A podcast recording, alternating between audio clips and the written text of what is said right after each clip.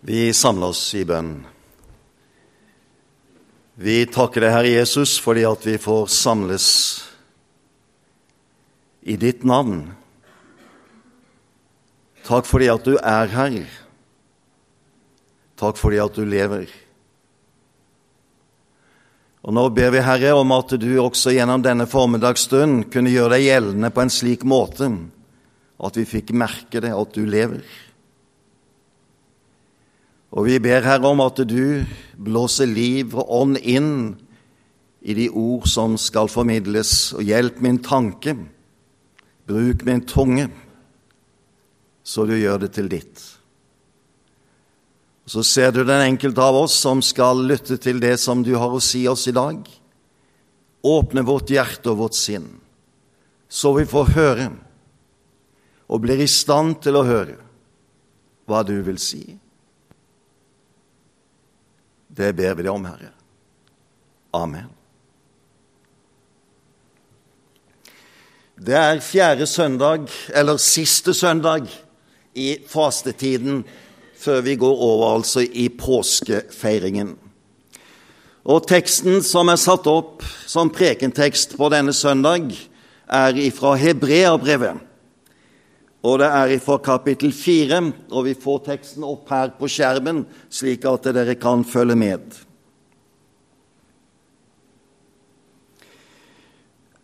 Der står Siden vi har Ja, vi reiser oss også.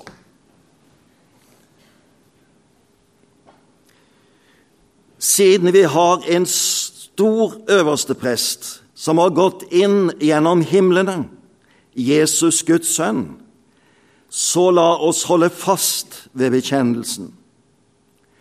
For vi har ikke en øverste prest som ikke kan lide med oss i vår svakhet, men en som er prøvet i alt på samme måte som vi, men uten synd. La oss derfor frimodig tre frem for nådens trone, så vi kan finne barmhjertighet og finne nåde som gir hjelp i rette tid. Hellig oss i sannheten, ditt ord er sannhet.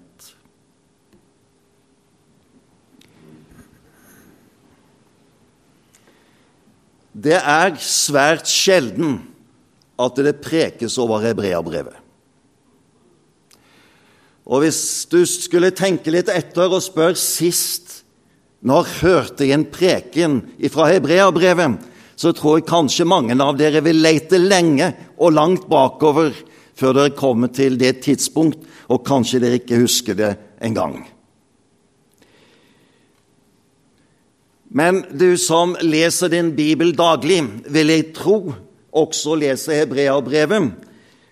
Og da oppdager du at dette brevet er jo en litt spesielt brev. Og det kan være noen ganger litt vanskelig å forstå brevet i sin helhet, men det er en rekke gode ord i dette brevet, så jeg er sikker på at du har understreket også bibelvers i Hebreabrevet. Brevet er på en måte gjennomsyra av gammeltestamentlig stoff. Kjente tekster fra Det gamle testamentet, og særlig fra Mosebøkene og Josva-boken går igjen. Og forfatteren bruker denne forhistorien til å si noe om Kristus og si noe om menighetens liv og situasjon i den tid den befinner seg i. Den menighet som mottar dette brevet, er en menighet som er kjent fra første tid med lidelser og prøvelser. Og Forfatteren minner de om denne erfaring fra den første tid og sier men tenk nå tilbake på den første tiden, den gang dere blir opplyst og siden holdt ut i de lidelser dere måtte kjempe med. Snart ble dere hånt og plaget for øynene på folk. Snart gjorde dere dere felles sak med andre som måtte gjennomgå det samme. Ja, dere led med dem som satt i fengsel, og fant dere med glede i at det dere eier, ble røvet fra dere, for dere visste at dere eier noe som er bedre, og som varer. En menighet som fra første tid kjente til hvordan det var å leve som en kristen i en verden som sto Gud imot. Derfor ble de også flere steder formant til utholdenhet i sin kamp mot synden og mot fristelsene. Den teksten som vi nå har lest, og som står her, det er en tekst som stanser for noe av det enestående ved Jesus, for at en på dette grunnlag skal få den nødvendige frimodighet til å være en kristen og til å fullføre løpet inntil enden. For all vår frimodighet har ett ankerfeste, og det er Jesus Kristus. Han som sies i denne teksten, er Jesus, Guds sønn. Han er kilden, han er grunnlaget, og han er den som på ny og på ny fornyer denne frimodige tilliten som gjør at vi står frem og bekjenner Jesus Kristus, vil følge etter ham og oppleve og erfare at i hans navn og i hans nærhet vinner vi seier i den tid vi lever i. Og i selve innledningen til dette brevet er det som om forfatteren vil løfte frem Jesus Kristus som den enestående som overgår alt annet, som den de skal feste sin tillit og bygge sin frimodighet på. Og Hvis vi får opp denne innledende teksten til brevet så ser dere hvordan forfatteren, uten å nevne seg selv, uten å nevne hvem han skriver til, altså helt uvanlig i forhold til slik som Paulus skriver sine brev, så går han rett på det som er hovedfokuset i hele brevet, nemlig å løfte frem Jesus Kristus på en slik måte at de forstår hvor enestående han er. Mange ganger og på mange måter har Gud i tidligere tider talt til fedrene gjennom profetene. Men nå, i disse siste dager, har han talt til oss gjennom Sønnen Ham har Gud innsatt som arving over alle ting, for ved ham skapte han verden. Han er utstrålingen av Guds herlighet og bildet av hans vesen, og han bærer alt ved sitt mektige ord. Da han hadde fullført renselse for våre synder, satte han seg ved majestetens høyre hånd i det høye slik ble han mye større enn engler, for det navn han har fått i arv, er så mye større enn deres. Så ser dere hvordan forfatteren i starten understreker denne enestående stilling som Jesus har, nå i de siste tider har han talt til oss gjennom Sønnen. Han som troner over alt det skapte. Han som er en utstråling av Guds herlighet og bilde av Hans vesen. Han som bærer alt med sitt mektige ord. Han som har fullført renselse fra våre synder. Han sitter ved majestetens høyre hånd. Han er større enn engler, for han er som Gud selv. Og på ulike måter utfolde dette brevet denne enestående stilling som Jesus har som Guds sønn og vår frelser. Så tilbake til prekenteksten, kapittel 4, vers 14. Der starter han med å trekke en linje fra Det gamle testamentet inn mot vår situasjon. Og så sies det om Jesus siden vi har en stor øverste prest som har gått inn gjennom himlene, Jesus Guds sønn, så la oss holde fast ved bekjennelsen. Den gammeltestamentlige øverste presten etter Arons slekt hadde en spesiell tjeneste i den gammeltestamentlige tid knyttet til tabernaklet og tempelet. Han var den øverste, den eneste som kunne gå inn i det aller helligste i tempelet og tabernaklet. Han var en utvalgt mellommann mellom folket og Gud. Og hans fremste oppgave var å på vegne av folket og bringe et offer for deres synder inn for Gud.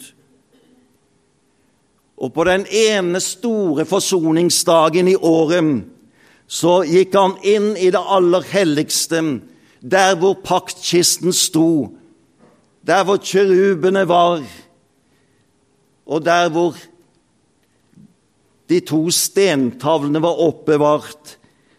Og så ofra han for folkets synder ved at han bekjente deres synd, ba om tilgivelse og bakte frem det offer som Skriften påbød.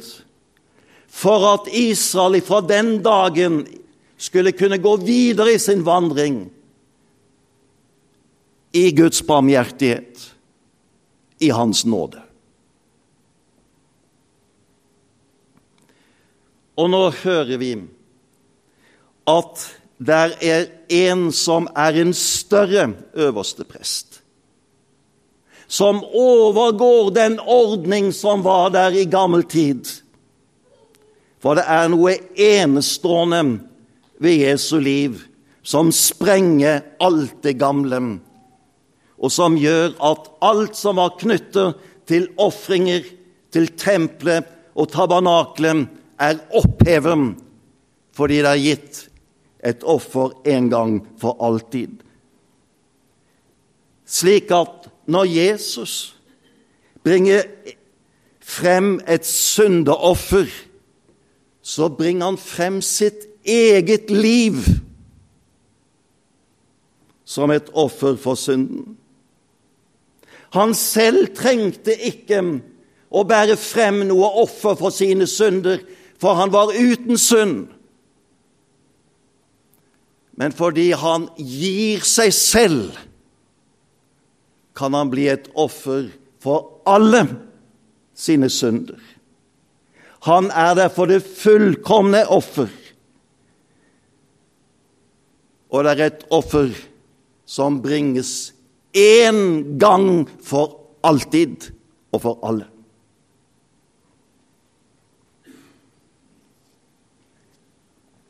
Derfor er han den store øverste presten, som har fullført alt det Gud hadde tenkt gjennom de ordninger som var gitt i den gammeltestamentlige tid, og som så fremover imot det som skulle komme, da det en gang skulle gjøres fullkommen ved Jesus, Guds sønn.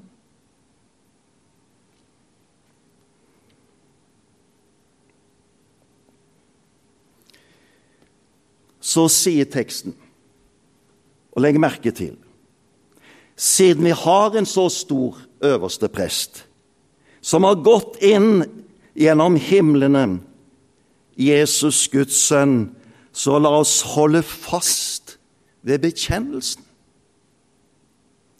Siden altså vi har en slik en realitet, en slik en virkelighet knyttet til Jesus Kristus, så la oss holde fast ved bekjennelsen til ham.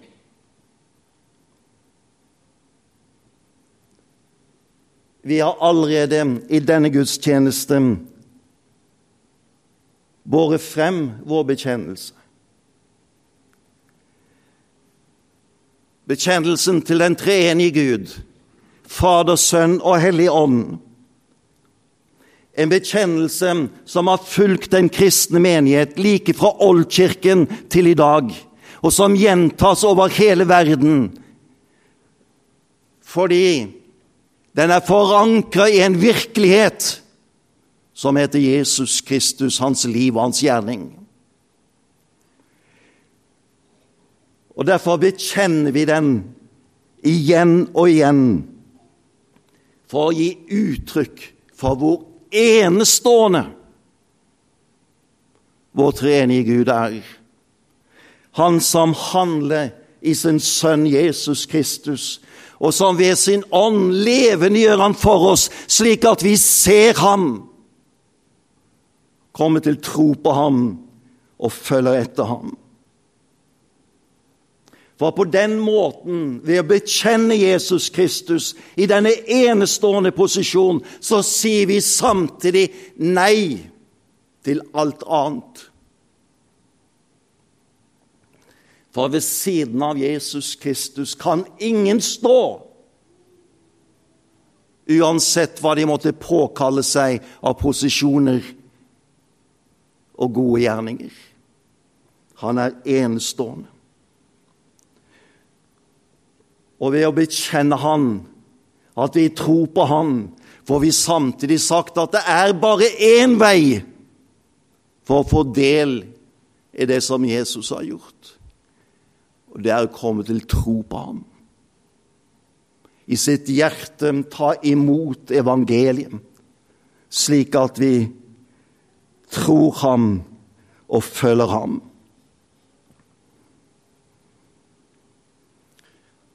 Og ved å bekjenne Han, så uttrykker vi samtidig vår begeistring for Han. Vi er med på å hylle Han blant mennesker.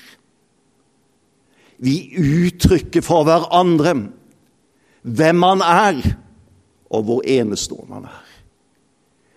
Og der finnes ingen tilsvarende bekjennelse.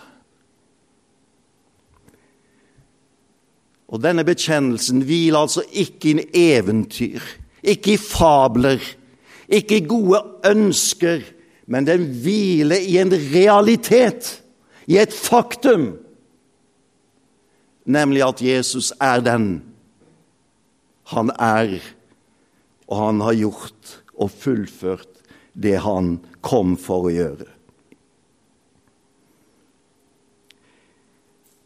Derfor bekjenner vi. Derfor skal vi bekjenne, like til den siste dag. Og selv om denne bekjennelsen skulle resultere i at vi blir forfulgt, så bekjenner vi Han, fordi at Han er den eneste som kan fullføre sin gjerningen i våre liv, slik at vi den siste dagen får del i den herlighet som han kommer med. Og Så legger du merke til hvordan teksten fortsetter. Etter at denne virkelighet er slått fast, så føres dette innover imot våre liv. Og det sies noe om betydningen av at Jesus har denne posisjonen og denne stillingen. For vi har ikke en øverste prest som ikke kan lide med oss i vår svakhet, men en som er prøvet i alt, på samme måte som vi. Det er ikke en øverste prest som sitter gjemt bak skyene, men det er en øverste prest som kan lide. med oss i vår svakhet. Det uttrykker altså en nærhet mellom våre liv og Jesus Kristus. Som mennesker er vi i svakhet. Vi er født inn i en fallen verden, og vi rammes av denne falne verdens vilkår. Vi rammes av lidelser, av smerte, av sykdom, av død, av alderdomssvakhet. Vi angripes av synden og djevelen. Vi fristes og prøves.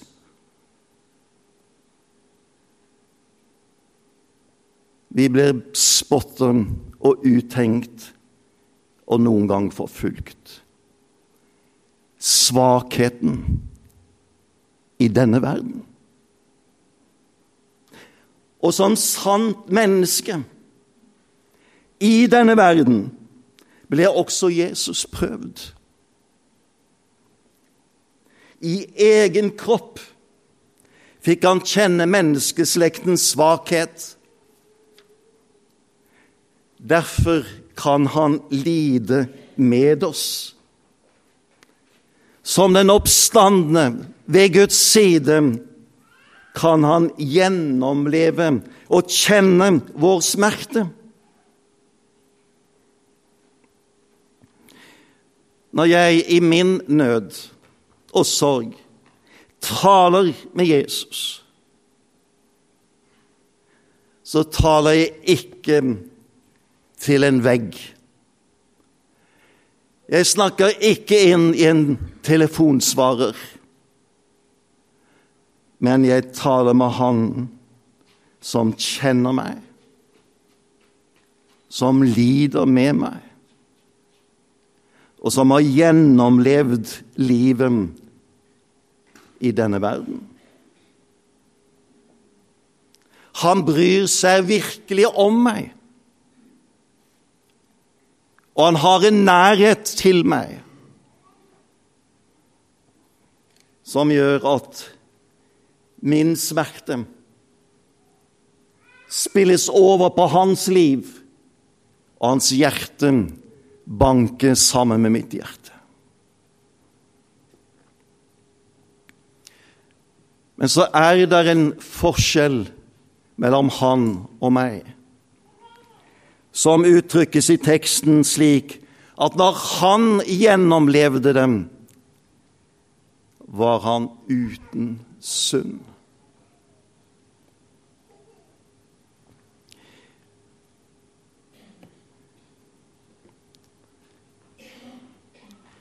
Det er grunnlaget for at Jesu nærvær i mitt liv kan ha en helt annen utgang. Hadde han vært med synd, så hadde han vært i den samme skjebnen som meg. Men fordi han er uten synd, representerer han den nye begynnelse og det nye liv.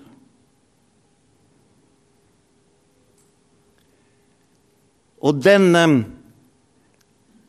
hans nærhet med den nye veien, den kommer til meg ikke som en ordløs medkjensle, men som ord som tales inn i mitt liv, slik at jeg lærer Kristus å kjenne.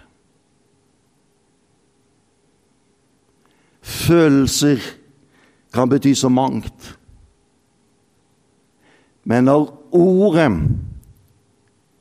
uttrykket, hva hans medlidelse betyr, da lærer den trøst og den veiledning og den hjelp som han kan gi. Og det er jo slik vi erfarer det når vi i våre liv kjenner på denne svakheten, så blir ord levende for oss. Det er ord som stiger opp i vår bevissthet, Og så opplever vi at Den hellige ånd bruker disse ordene slik at det blir en tale inn i mitt liv.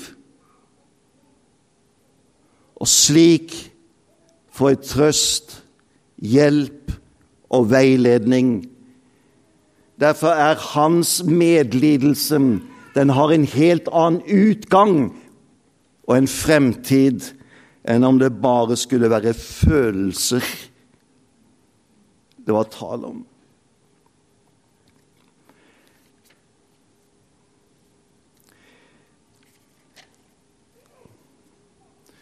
Jesus som den som var uten synd, er den som taler slik. La oss derfor frimodig tre frem for nådens trone, så vi kan finne barmhjertighet og finne nåden som gir hjelp i rette tid. La oss derfor frimodig tre frem for nådens trone. La oss derfor stige frem for Gud gjennom Jesus Kristus og motta den nåde og barmhjertighet som Han gir gjennom sitt ord.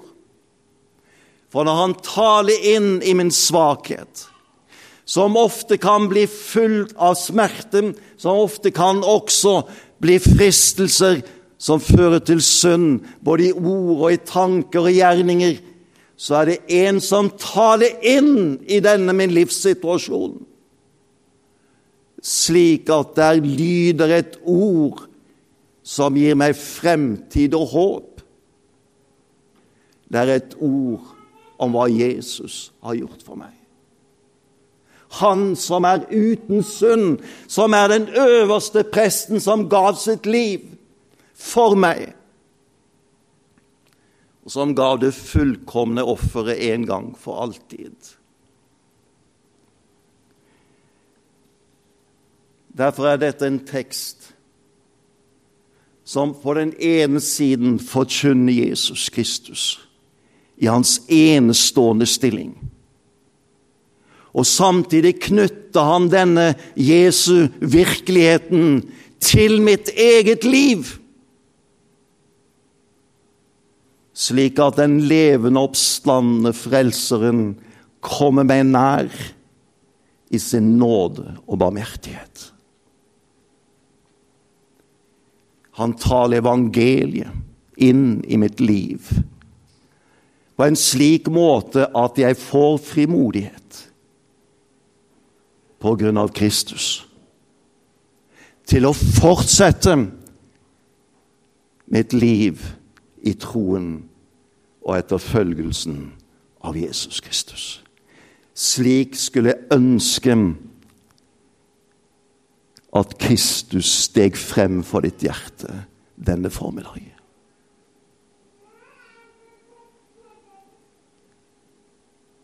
Det ber vi om, Herre. Se til oss, du den levende, oppstandende frelser.